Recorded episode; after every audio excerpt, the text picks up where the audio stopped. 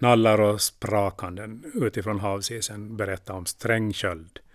Men nu kände inte Karl sådant, till de väntande kvinnorna värmde honom redan. En bit från Bogfärs strand slutade han sparka och lät kälken glida ljudlöst avstannande in mot Hamnviken. Han tog av sig brodden och följde stigen uppåt slänten med mjuka steg. Dold av buskar tassade han in bakom skithuset för att skärskåda läget. Han tyckte inte om att kliva in oförberedd till några överraskningar och denna kväll skänkte månljuset god överblick. Spårbilden på tunet såg bra ut. Bara de vanliga stigarna var trampade och inga främmande spår kunde ses. Inga tända ljus syntes i fönstren, vilket tydde på att nattron var god. Märkligt nog låg där något aningen främmande över själva skithuset. Var det en luktnyans? Hade huset använts av någon person med lite annorlunda vanor i mat och dryck och kanske i kroppskonstitution? Han öppnade och sniffade. Det var förstås klart att äldsta flickans dofter var stadda i förändring nu när hon strax skulle börja producera fullt utvecklade kvinnoaromer. Hon kunde nog arta sig till en likadan gullrumpa som sin äldre halvsyster. Tanken på flickans utveckling fick Karl att glömma sin lilla onda aning så att han inte fullföljde tankegången. Han märkte inte ens några frusna droppar kring sitthålet, vilka antydde att avträdet nyss hade nyttjats av en stående person. Normalt brukar han inte slarva med sådana iakttagelser, men efter ett antal supar fokuserade han på kvinnorna i huset, där den tredje generationen såg ut att arta sig så väl. Där tycktes finnas en framtid för honom och han bevarades själv ung genom sitt rörliga liv. Karls leende blänkte i månskenet när han tog en hutt innan han började vandra fram mot stugan. Lyssnade utanför kammarfönstret men riskerade inte att titta in när han var så starkt månbelyst. Försvann in i skuggan och runda stugan utan att höra några främmande ljud. Det var bara att stiga in till hans kära kvinnor som snusade varma och goda under sina fällar. Hans höga läderstövlar tassade ljudlöst genom snön mot ytterdörren. Kölden hade trängt djupt i pojken där i farsten, men han hade inte rört sig. Friman kunde ju redan finnas där utanför och han var rädd. Pappa borde nog ändå ha varit med. Sedan de hade gått till sängs på andra sidan väggen hade absolut ingenting hänt.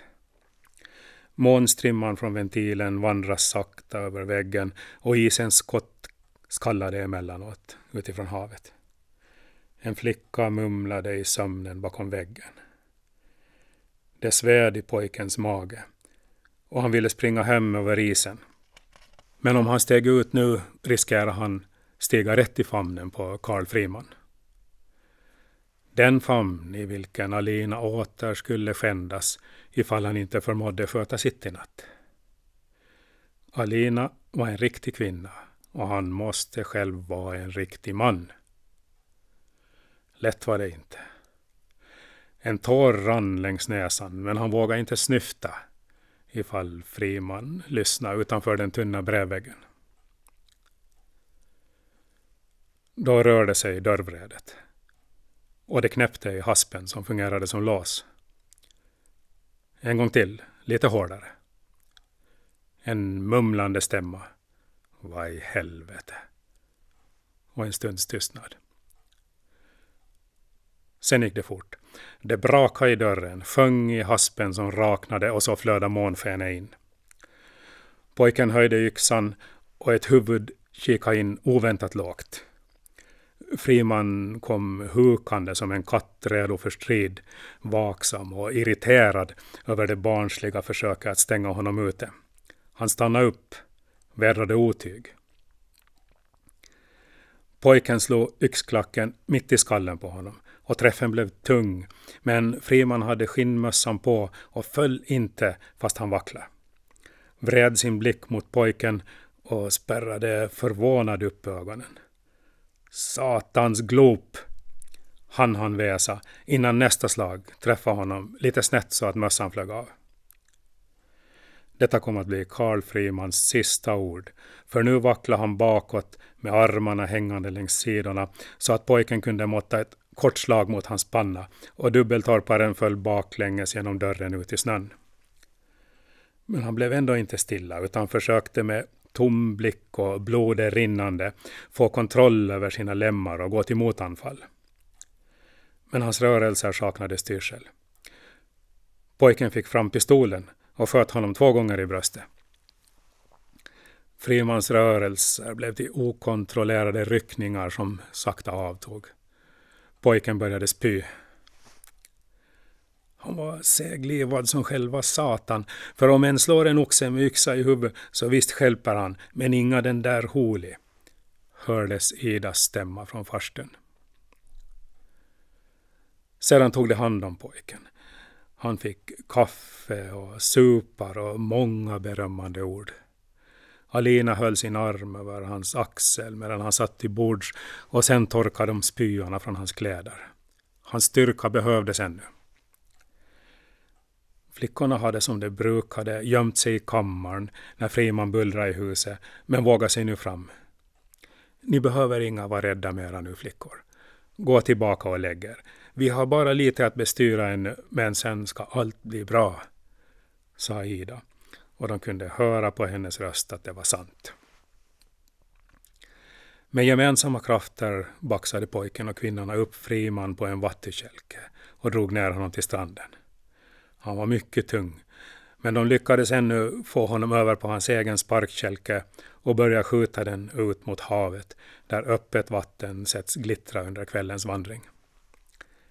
Liket var ännu slappt och bromsa färden genom att släpa ben och armar i isen, men till slut skymtade råkens glitterband i vidden.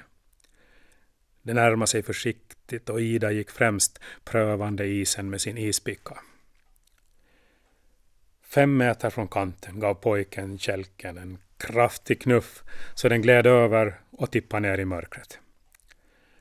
Ett dovt plask spred blänkande ringar som vidgade sig ut mot råkens kanter och lade sig till ro. Stjärnglittret i vattenspegeln återfick samma iskalla stillhet som den rymd den speglade. Men så bröts ytan på nytt och denna gång underifrån. Frimans rygg blev synlig medan huvud och lemmar hängde ner mot djupet. Alina stoppade handen i fickan och fick fram en räpstump. Vi hade för bråttom, flämtade hon, ännu andfådd efter transporten. Vi glömde binda fast honom i kälken. Så började Friman röra sig. Han vältrade framåt, baken höjdes och så började luften bubbla ut genom en söm i hans skinnbyxor.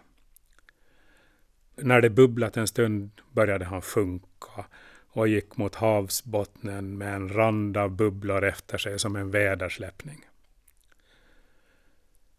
Månen lyste över den väldiga isvidden som knakade och smällde i kölden. De tre människorna som höll om varandra på iskanten var blott stoftkorn i detta universum av stjärnor och is. Nu är vi fria, sa Ida Jakobsson.